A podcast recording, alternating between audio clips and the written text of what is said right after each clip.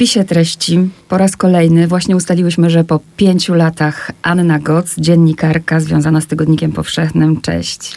Dzień dobry, cześć. Kawał czasu. Tak, pięć lat, zgadza się. Boniecki rozmowa o życiu i zobacz, mija ten czas i będziemy też rozmawiać o życiu. Tak, myślę, że o życiu bardzo wielu Polek i Polaków. Głusza to był tytuł twojego pierwszego reportażu, który napisałaś w Tygodniku Powszechnym. Dlatego ta książka, którą teraz trzymam, nosi właśnie ten tytuł? Tak, e, to jest tytuł, który wymyśliłam, wymyśliliśmy przy okazji pierwszego reportażu. Reportażu bardzo interwencyjnego, który ukazał się właśnie w Tygodniku Powszechnym w 2016 roku. I później, kiedy zbierałam materiał do książki i mm, przygotowywałam kolejne y, właśnie wywiady, zbierałam kolejne historie, to okazało się, że głusza, czyli miejsce mm, takiego osamotnienia, miejsce z dala od ludzi, w tym kontekście, w kontekście tych historii, które zebrałam, bardzo dobrze pasuje, dlatego że moi bohaterowie i bohaterki y, tej książki mówią o samotności, właśnie samotności wśród ludzi, ale właśnie nie tej takiej gdzieś w jakimś miejscu z dala od ludzi, ale właśnie wśród ludzi. Dlatego zdecydowaliśmy, że wspólnie w wydawnictwie, że ten tytuł jest jak, jak najlepszy. I też e, muszę powiedzieć, że bardzo się ucieszyłam, że z Bartoszem Margańcem, jednym z głównych bohaterów książki, wymyśliliśmy, żeby ten tytuł przetłumaczyć na polski język migowy. I postać, która miga na okładce słowo głusza, tak naprawdę to jest znak, który oznacza pusto dookoła. Dlatego, że głusza to jest e, nowe słowo.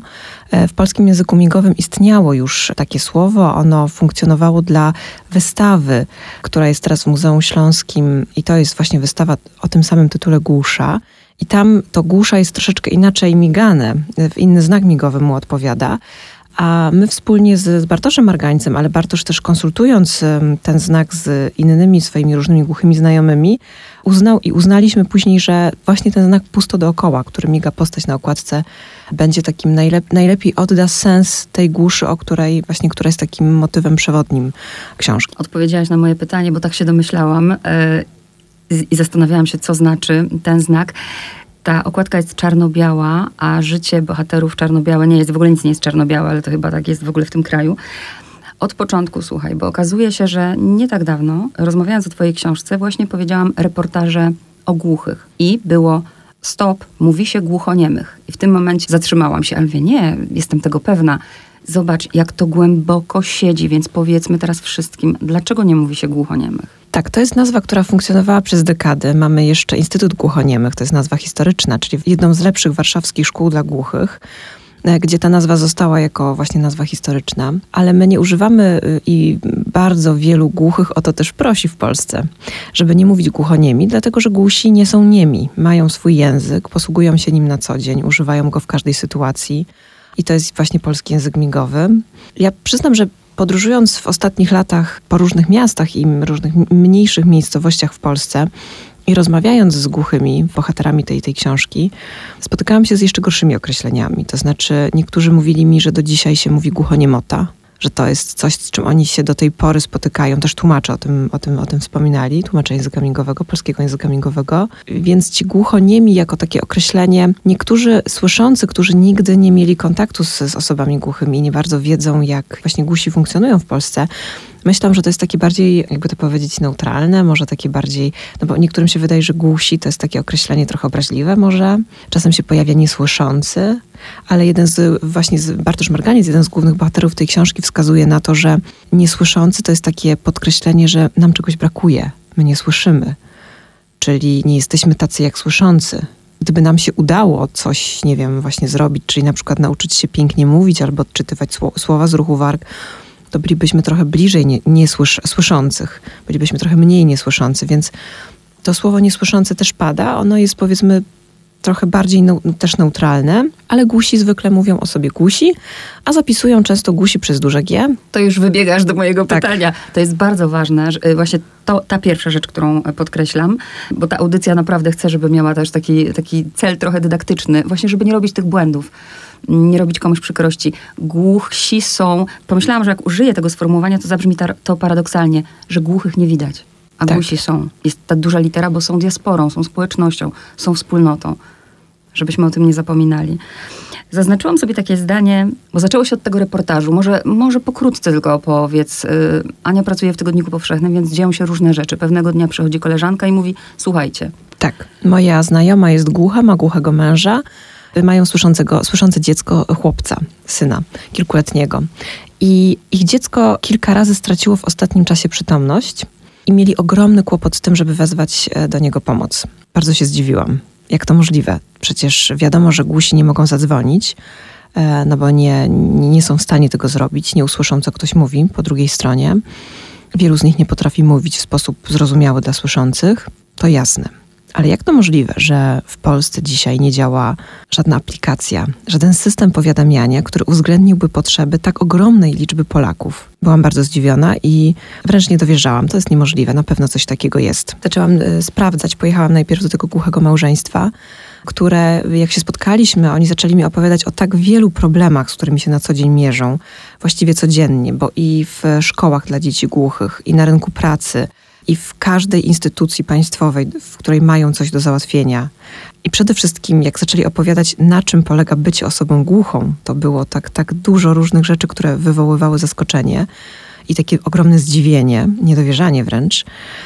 No i później zaczęłam sprawdzać, czy naprawdę nie działa nic takiego, co by pozwalało osobom głuchym wezwać pomoc dzisiaj w Polsce. To był 2016 e, rok, no i nie, nie było takiej aplikacji wtedy. Okazywało się, że w jakimś województwie coś działa, jakieś stowarzyszenie coś wymyśliło, jakaś grupa gdzieś coś zaczęła, zaczęła działać w tym kierunku.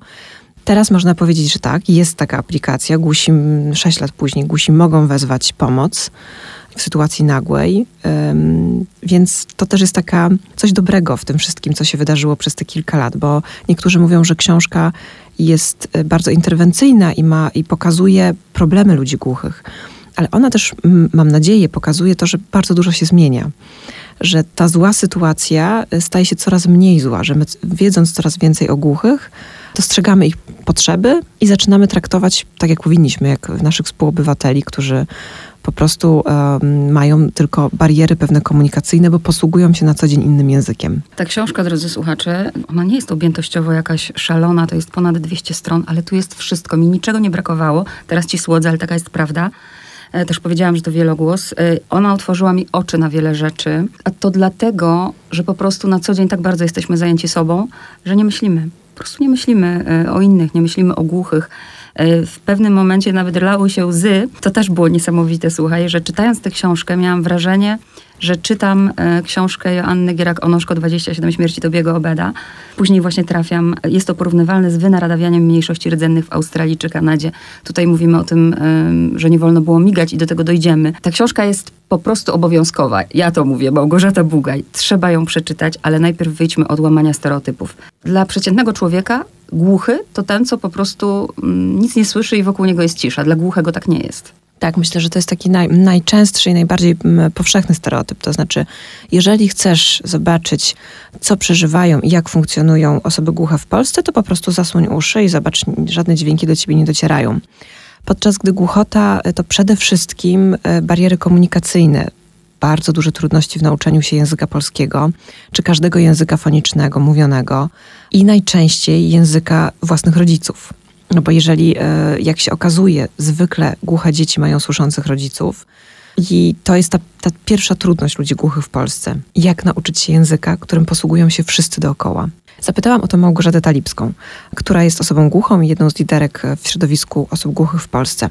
Jak to jest? Dlaczego głuche dziecko, które przychodzi na świat w słyszącej rodzinie, ma tak duży problem z tym, żeby nauczyć się języka swoich rodziców? Opowiedziała mi taką historię małej dziewczynki, która y, wychodzi z mamą na spacer. Idą do parku, mama opowiada jej o ptaszkach, które widzą, później spotyka sąsiadkę, rozmawiają, później mama wraca do domu, rozmawia z kimś przez telefon, w tle jest y, włączone radio, jest jakiś program telewizyjny. I dziecko słyszące, które wciąż jeszcze nie potrafi mówić, ale do niego docierają cały czas nowe słowa, ono się ich uczy, nabywa język. Głuche dziecko jest tego wszystkiego pozbawione. Głusi często opowiadali mi o takiej niezwykłej samotności w ich rodzinach, w takich momentach, kiedy mm, siedzą przy stole jako małe dzieci albo w czasie jakichś spotkań rodzinnych, gdzie cała rodzina się zjeżdża, obserwują, że porozumiewają się ze sobą wszyscy, że to jest jakaś tajemnica. Niektórzy tak mówili, że coś łączy ludzi. Otwierają usta, zamykają, ktoś się zaczyna śmiać, ktoś reaguje na coś A głusi po prostu tego wszystkiego nie słyszą. Mogą próbować jakoś nadążyć. Wielu głuchych opowiadało, że nauczyło się odczytywać niektóre słowa z ruchu ust swoich mam. Dlatego, że bardzo wiele y, mam y, głuchych dzieci poświęciło i w ogóle bardzo się starało, to znaczy poświęciło to jest złe słowo, ale myślę, że cały swój czas, który miały i wszystkie możliwości, które były do wykorzystania, wykorzystywały po to, żeby nauczyć właśnie swoje dzieci mówić i odczytywać słowa z ruchu ust. Więc starały się stawać naprzeciwko nich na wprost, mówić wyraźnie, mówić powoli, powtarzać. I głusi opowiadają, że oni nie pamiętają tego, jak to się stało, ale że nauczyli się odczytywać niektóre słowa z ruchu ust swoich mam. Więc jakoś ta komunikacja zaczęła między nimi mm, powstawać, coś się zaczynało dziać. Ale później się okazało, że na przykład w szkole dla słyszących czy dla głuchych dzieci pojawiają się nowi nauczyciele, rówieśnicy i wszyscy mówią inaczej. Ktoś szybciej, ktoś wolniej, ktoś zasłania ręką usta, ktoś staje tyłem. I za każdym razem głuche dzieci nie są w stanie nawiązać żadnego kontaktu z takimi osobami. Bardzo ważne. Ty powiedziałaś o tym, że wchodzimy już w metody i tu warto uporządkować właśnie, ta metoda jest metodą oralną, czyli czytania z ruchu warg i mamy metodę, nazwijmy je tymi znakami SJM, PJM. Wyjaśnij słuchaczom, co to jest, tak krótko. Tak, myślę, że tak naj, najkrócej. To jest tak, że pojawia się Bogdan Szczepankowski. To jest e, osoba, która jest osobą słabosłyszącą. E, pojawia się w szkole dla głuchych w Warszawie, w Instytucie Głuchoniemych i widzi, że przez całe dekady do głuchych dzieci nauczyciele mówią i robią wszystko, żeby te dzieci zaczęły mówić, odczytywać słowa z ruchu e, warg. I on doskonale wie, że ta metoda powoduje, że część głuchych dzieci nigdy nie nauczy się żadnego języka. Ma ogromne braki wiedzy, której nie jest w stanie przyswoić bez języka. Więc on wymyśla taki sztuczny kod, to znaczy mówi i miga równocześnie, wykorzystując znaki polskiego języka migowego. Polski język migowy to jest język naturalny, język ludzi głuchych, tym, ten język, którym głusi posługują się od samego początku, a mówi się, że początki języków migowych to jest czas powstawania szkół dla głuchych i e, że właśnie język powstawał wtedy, kiedy głusi się spotkali w tych szkołach i zaczynali się ze sobą porozumiewać. I tak powstawały te języki w różnych krajach, we wszystkich krajach na świecie. I teraz ten język osób głuchych, czyli polski język migowy, ma własne słownictwo, własną gramatykę. System językowo-migowy to jest tak zwana migana polszczyzna, czyli mówimy z zachowaniem gramatyki języka polskiego, czyli mówimy tak, jak ja do ciebie teraz mówię, i równocześnie migamy znaki słowa, które wypowiadamy w języku migowym. Dla osoby głuchej, która ma na przykład głuchych rodziców i zna polski język migowy od urodzenia, system językowo-migowy może być niezrozumiały. Taka osoba może zrozumieć niektóre znaki, nawet większość z tych znaków, ale może nie zrozumieć sensu wypowiedzi. To znajdziecie przykłady w książce, to jest w ogóle niesamowite. Ja sobie też zadałam pytanie, bo tego nie wiedziałam, a już 25 lat temu poznałam, pamiętam dziewczynę, która zaczęła studiować y, surdologię i i dopiero czytając twoją książkę przyszło mi do głowy, to ciekawe, czego ona się uczyła, że ona musiała się uczyć w, takie, w takim razie tego systemowego języka. I to jest problem wielu szkół, prawda? Tak, trzeba podkreślić, że mm, był tak zwany kongres mediolański, gdzie właśnie mm, pedagodzy zastanawiali się nad tym, czy do głuchych dzieci należy mówić i właśnie pójść w tę stronę takiego oralizmu, e, czy jednak wykorzystywać w edukacji języki migowe mm, różnych wspólnot czy te narodowe. I wtedy wygrał oralizm. Głusi mówią czasami, że nastały wtedy wieki ciemne dla nich.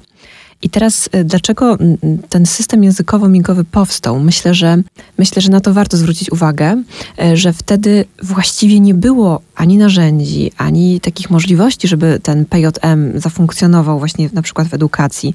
To był język, nad którym badania zaczęły się właściwie w latach 90. Y, XX wieku. Takie na Uniwersytecie e, Warszawskim trwają do dziś i to się staje takie miejsce, które promieniuje właściwie w Polsce. Tam są badacze tego języka, głusi również, wykładowcy.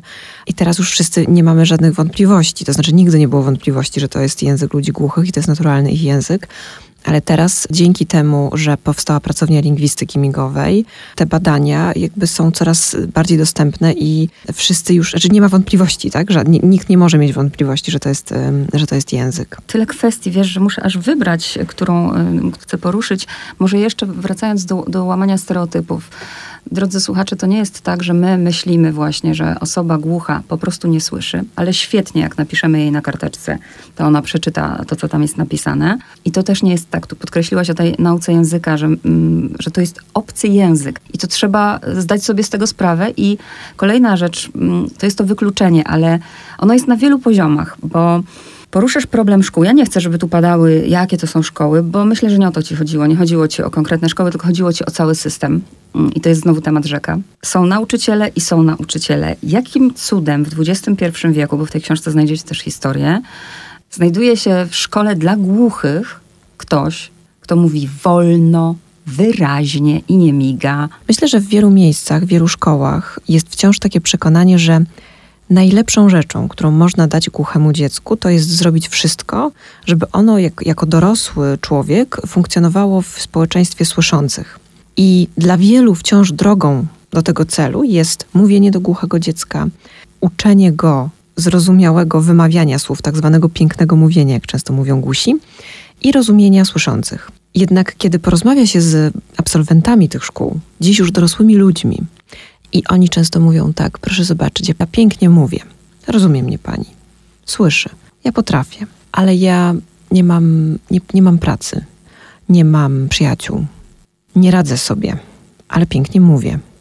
To jest taki moment, kiedy trzeba się zatrzymać i zobaczyć, jak funkcjonują dzisiaj dorośli głusi w społeczeństwie.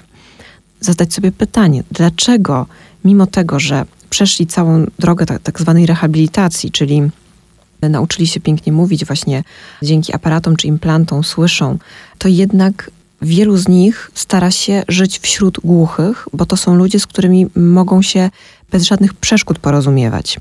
Są też głusi, którzy podkreślają, że wszystkie y, te ćwiczenia, które oni przechodzili, trening mowy, że to im bardzo pomogło.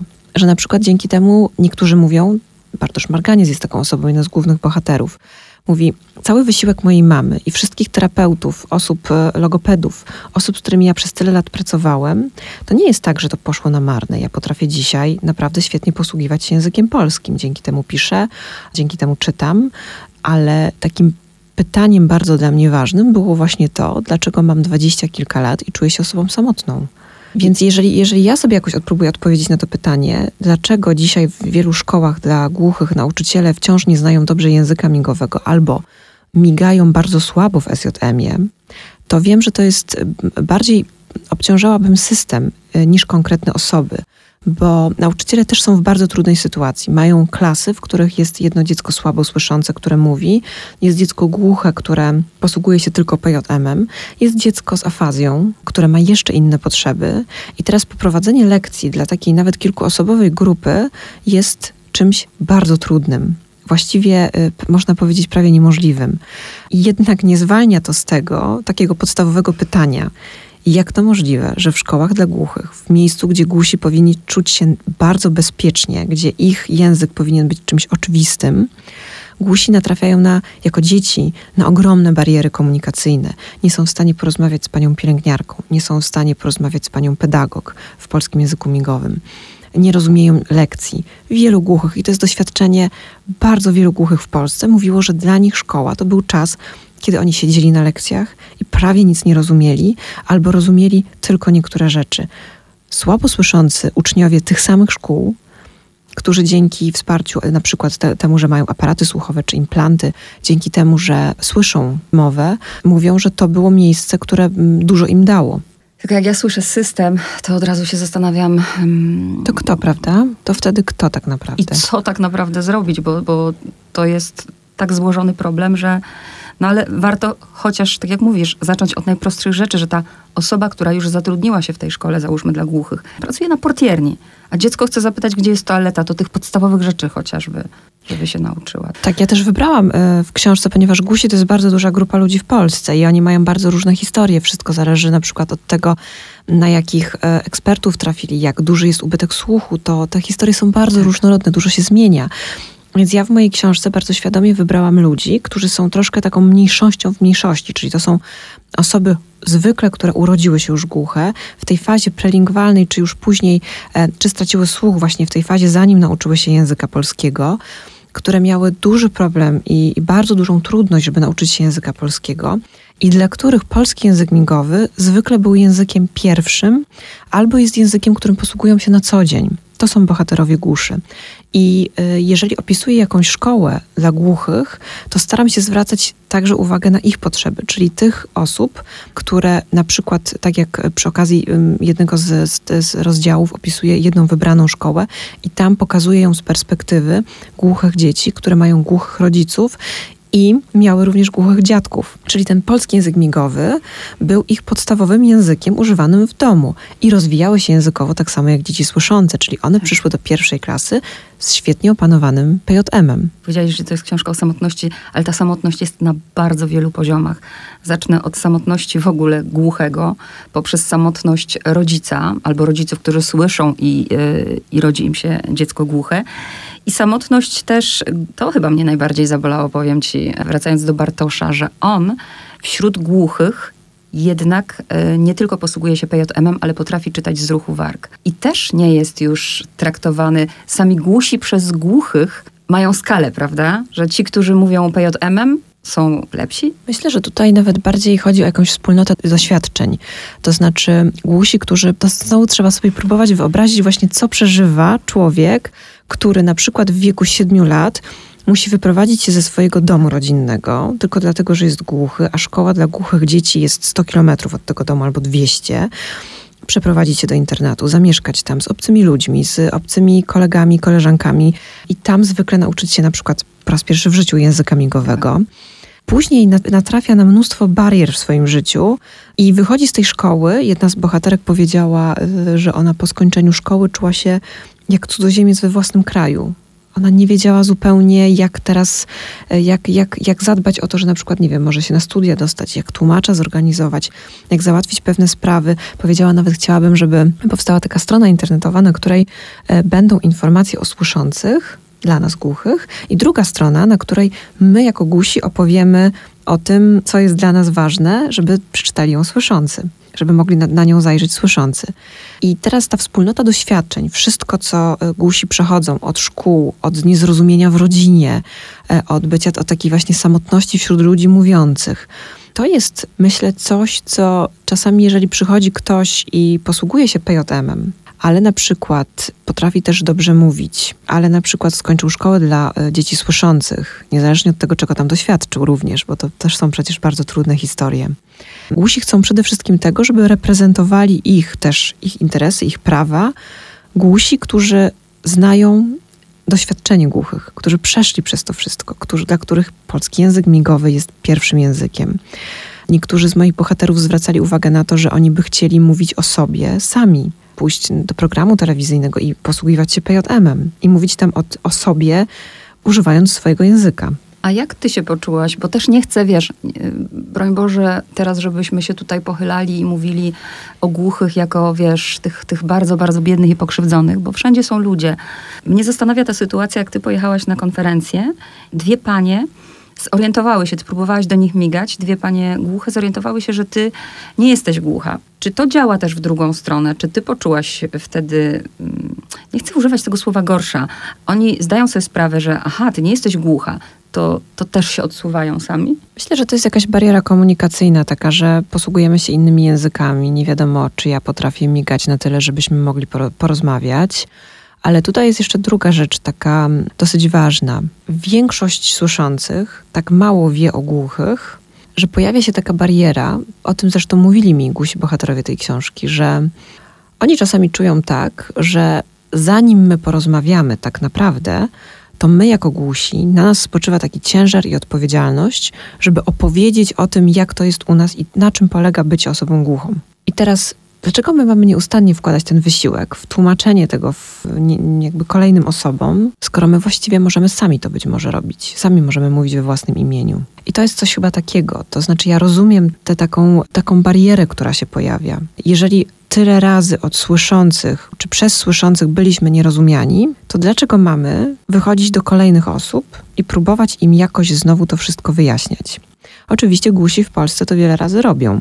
Książce podaje taki przykład spisu powszechnego, gdzie, gdzie najpierw spis właściwie nie, był, nie było w planach, żeby on był tłumaczony na PJM. Mm. Tak jakby tych ludzi po prostu nie było. Tak, i dopiero właśnie interwencja y, głuchych, między innymi Bartosza Margańca, ale także Krzysztofa Kotyniewicza, który jest prezesem e, Polskiego Związku Głuchych. Dopiero po tych interwencjach i takim wyjaśnieniu sprawy, przecież my jako głusi, dla nas podstawowym i pierwszym językiem jest PJM, więc jeżeli spis jest obowiązkowy dla wszystkich obywateli, no to my chcemy go, my chcemy wziąć w nim udział, ale w polskim języku migowym, czyli w naszym języku. Problem rodzi problem. To jest niezwykłe. Ja nie powiem wam, jak Ania y, zakończyła tę książkę, ale w ogóle budujesz takie napięcie, ale powiem wam o swoim doświadczeniu, które miałam tutaj w Krakowie. Więc to jest doświadczenie sprzed kilku lat. Ponieważ powiedziałam ci na początku tej rozmowy, że głuchych nie widać, bo jednak w małych miejscowościach, na wioskach, to podajesz też przykład, jest jeden, dwóch, ludzie wiedzą na przykład, że on jest głuchy. W dużych miastach już głusi są bardziej widoczni i właśnie w Krakowie na Grodzkiej stała kiedyś grupa kilkunastu osób. Migali, śmiali się, a ja wtedy poczułam się głupio, że ja nie rozumiem, z czego oni się śmieją. Mi było po prostu głupio. To jest niezwykłe, że dlaczego my głuchych traktujemy właśnie jako kogoś gorszego. Dlaczego, tak jak piszesz, wszyscy słyszą. Dlaczego w szkołach się mówi tym dzieciom, rodzice mówią tym dzieciom, słuchaj, jak nie, jak nie będziesz mówił, to niczego nie osiągniesz, nie, nie dostaniesz pracy, nie dostaniesz, nie zdasz matury. To jest straszne. Ale rzeczywistość pokazuje, że jest coraz więcej głuchych w Polsce, młodych także, którzy robią świetne rzeczy którzy spełniają się zawodowo, artystycznie, którzy osiągają swoje cele i robią to wszystko w polskim języku migowym i zabierają głos we własnym imieniu. Podajesz też jak było. No powiem ci, łzy mi się lały. Byli karani za to, że chcą się posługiwać w swoim języku, czyli w języku migowym. To było takie jedno z tych doświadczeń, o których mówili właściwie głusi, niezależnie od tego, gdzie mieszkają i ile mają lat bo i opowiadali o tym ci najstarszego pokolenia i tamte właśnie takie kary za miganie były właściwie też bardzo okrutne. To znaczy pamiętam takie jedno ze spotkań, na które przyszło kilkanaście osób e, i ja razem z tłumaczką pytałyśmy o różne rzeczy, właśnie doświadczenia szkolne i bardzo dużo osób mówiło o tym, jak na przykład musiało się uczyć wymawiać głoskę R, jak wkładano łyżkę do gardła albo jakiś patyczek, patyczek pod język, a kilka dni temu jeden z, mm, z takich bardzo młodych osób, młody mężczyzna, który skończył szkołę kilkanaście lat temu, opowiedział mi, że mm, no właśnie te kilkanaście lat temu był nakłuwany pod językiem jakimś takim ostrym patyczkiem po to, żeby e, z tego bólu chyba i żeby w taki sposób udało mu się wymówić to R. Więc to są jakieś historie właśnie niezależnie od tego, ile e, bohaterowie mają lat, czy, czy, czy 80, czy, czy 22. Ale jedna z właśnie z kobiet, ta, która podeszła po tym spotkaniu, gdzie głusi opowiadali o tym, co się działo w szkołach, podeszła już tak, kiedy zupełnie wychodziłam, chciała chyba mi to powiedzieć tak na e, już e, jakby już po spotkaniu. I pamiętam dokładnie, jaką przyjęła poza. Ona się jakoś tak trochę skuliła w sobie, tak e, i objęła dłonie i pokazała mi tak właśnie tak w jednej trzeciej płytki paznokcia, że tutaj przycinali. E, tu jej przycinali paznokcie i robiła to mm, wychowawczyni w internacie. Robiła to wielu głuchym, że te palce krwawiły, często dzieci nie potrafiły migać, że one bolały. Ja później jeszcze jakoś to było takie doświadczenie, które tak mną bardzo wstrząsnęło jakoś, bo to, to jest przemoc, która jest jakaś zupełnie już nie, niewyobrażalna, więc ja jeszcze dopytywałam później wnuczkę tej pani, która jest osobą słyszącą, czy, czy, czy mogłaby jeszcze jakby potwierdzić, czy na, naprawdę to się tak działo. I ona mówi, że tak, że babcia o tym wiele razy opowiada i że to jest, że to jest absolutnie prawdziwe. Ale tam właśnie gusi dorośli dzisiaj opowiadali mi o tym, że, że musieli stać z rękami do góry podniesionymi, że ręce z tyłu na krześle, że, że dostawali linijką albo czymś takim, że często na przykład opowiadali, że też ktoś w głowę uderzył, albo że jedna z pani opowiadała, że taką szmatą, którą się ścierało tablicę mokrą, nauczycielka biła dzieci. Mm, to są historie sprzed wielu lat, ale właśnie czasem się pojawia, że to są historie sprzed kilkunastu lat i głusi nie mogą się obronić. Ja tutaj wszystkiego nie będziemy opowiadać. Jest historia Magdy, która mną wstrząsnęła i myślę o jakichś tam doświadczeniach przemocy u nas, u ludzi, mm, którzy słyszą, widzą i mają problem, prawda, żeby coś powiedzieć. A co dopiero, kiedy raz nawet jakbyś chciała powiedzieć, to nie masz języka, żeby to powiedzieć. To jest taka historia, w której trzeba sobie wyobrazić, co przeżywa głuche dziecko, kiedy idzie do pierwszej klasy szkoły. Nieważne, czy to jest szkoła dla głuchych, czy dla słyszących, bo ono zwykle, jeśli przyszło na świat słyszącej rodzinie, to nie zna dobrze ani polskiego, ani migowego, bo w jego otoczeniu nikt do tej pory nie migał. Więc właściwie trafia do szkoły z bardzo ubogim, jeżeli już to zna jakieś słowa językiem, albo bezjęzyczny. I teraz, jeżeli zamieszka w internacie i w tym internacie ktoś jest krzywdzi, a ono potrafi się nauczyć na przykład polskiego języka migowego od swoich rówieśników, którzy przyszli z głuchych e, rodzin, z kolei matka tego dziecka nie nauczyła się języka migowego, a dziecko nie nauczyło się języka polskiego, no to nagle się okazuje, że ono jest zupełnie samo z krzywdą, której doświadczyło. Nawet gdyby bardzo chciało o niej powiedzieć i znaleźć pomoc, to nie jest w stanie tego zrobić. Ania opisuje historię dzieci, które czują, że rodzice się ich wstydzą. Dzieci, które idą, y, są oddawane do internatu, ale też wstrząsająca dla mnie historia rodziców, y, którzy pierwszy kontakt z, z głuchym to mają, kiedy rodzi im się dziecko i oni tej pomocy szukają i są tak bardzo samotni w tym i wydawałoby się, że każdy im mówi, co oni mają robić, a tracą pięć lat, prawda? Ta samotność jest tutaj na każdym poziomie i dotyka każdego. Tak, teraz odkąd są badania przesiewowe słuchu, e, bardzo szybko diagnozuje się to, że dziecko jest głuche. E, I mogłoby się wydawać, że taka diagnoza to jest od razu jakieś takie, sprawia, że od razu rodzice są, dostają wsparcie. Jakieś takie zaplecze ekspertów, ludzi, którzy od razu mogą im powiedzieć, co robić. Historia, którą opisuję, o którą, o którą zapytałaś, to jest historia sprzed około 10 lat, więc można powiedzieć, że zupełnie nie, niedawna.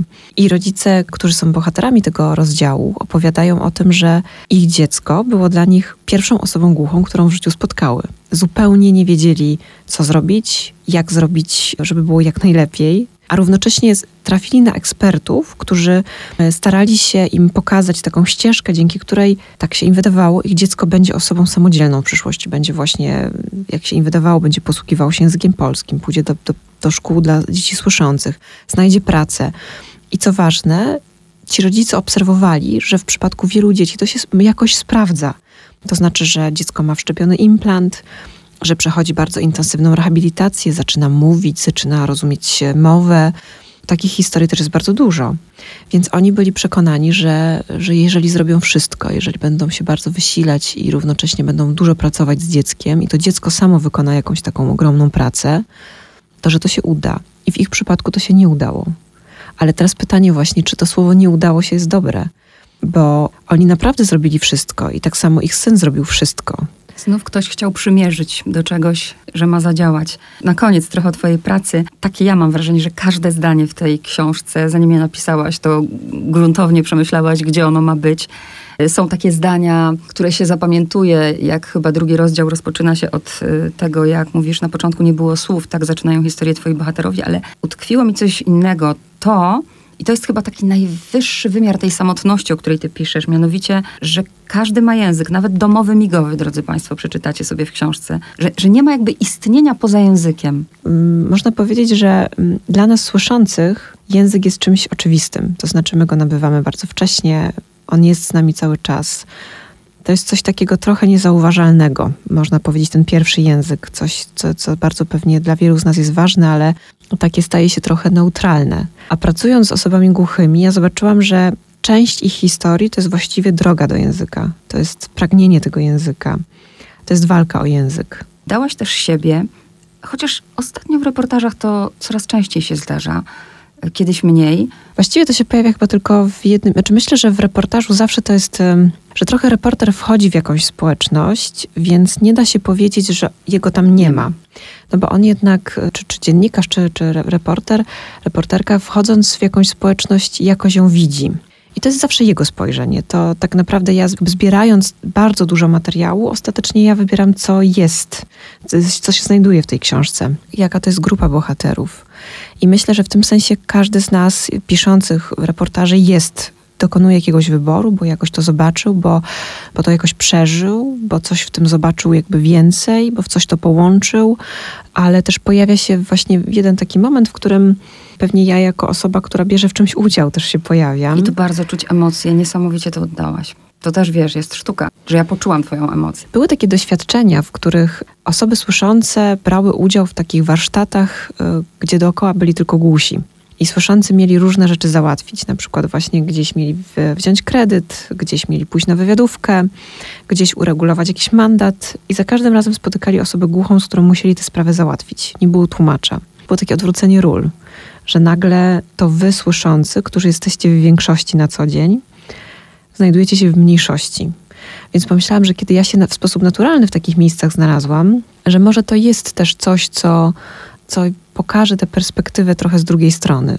Dla mnie to doświadczenie takie było, że nagle ja się znalazłam w miejscu, w którym wszyscy dookoła migali i ja nie mogłam się porozumieć z nikim. Więc to odwrócenie perspektywy wydało mi się właśnie dlatego ciekawe, bo myślę, że każdy z nas słyszących może się w takim miejscu znaleźć. Pozdrawiam, bo już o niej nie powiemy. Pozdrawiam bardzo z tego miejsca. Ja, Małgorzata Bugaj, panią Eunikę.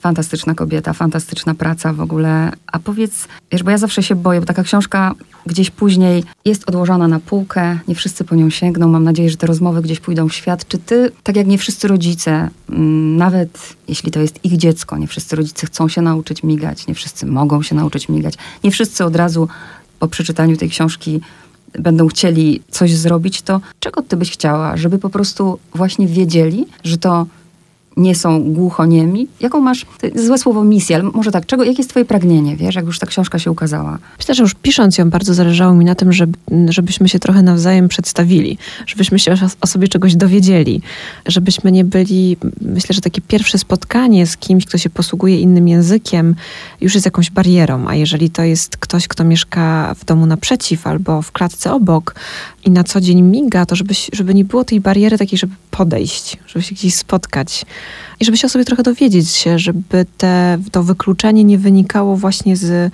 ze stereotypów, które, które mamy, albo z takiego przekonania, że my wiemy, na czym polega bycie osobą głuchą.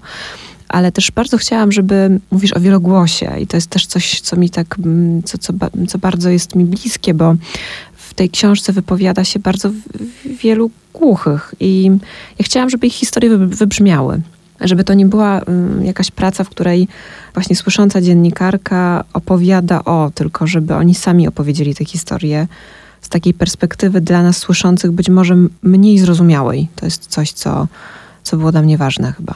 A ja mam takie marzenie, nie wiem dlaczego, że może ktoś, któryś z twoich bohaterów słucha tej audycji, ktoś przemiga im to, także bardzo serdecznie pozdrawiam. Polecam jeszcze raz tę książkę i czym ja chciałam zamknąć? Aha, ja się nauczyłam tego znaku, powiedz mi tylko, czy jest dobry. Ja go zobaczyłam w filmie. To był film chyba z De Niro i z Meryl Streep, ale nie jestem pewna. Może mylę filmy.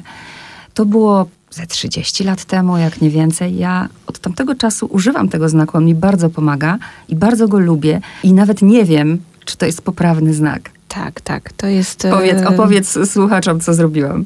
No tak, myślę, że to jest jak, znak... Jak opisać ten znak? E, tak, to jest e, znak kocham cię, tak? tak? Tak. Może warto dodać, że e, głusi mają swoje znaki na migowe, którymi się przedstawiają. Tutaj ma wszystko znaczenie. Ułożenie, szybkość, e, przestrzeń. To jest niesamowite. I niesamowita jest ta książka. Anna Goc-Głusza, bardzo ci dziękuję. Dziękuję bardzo.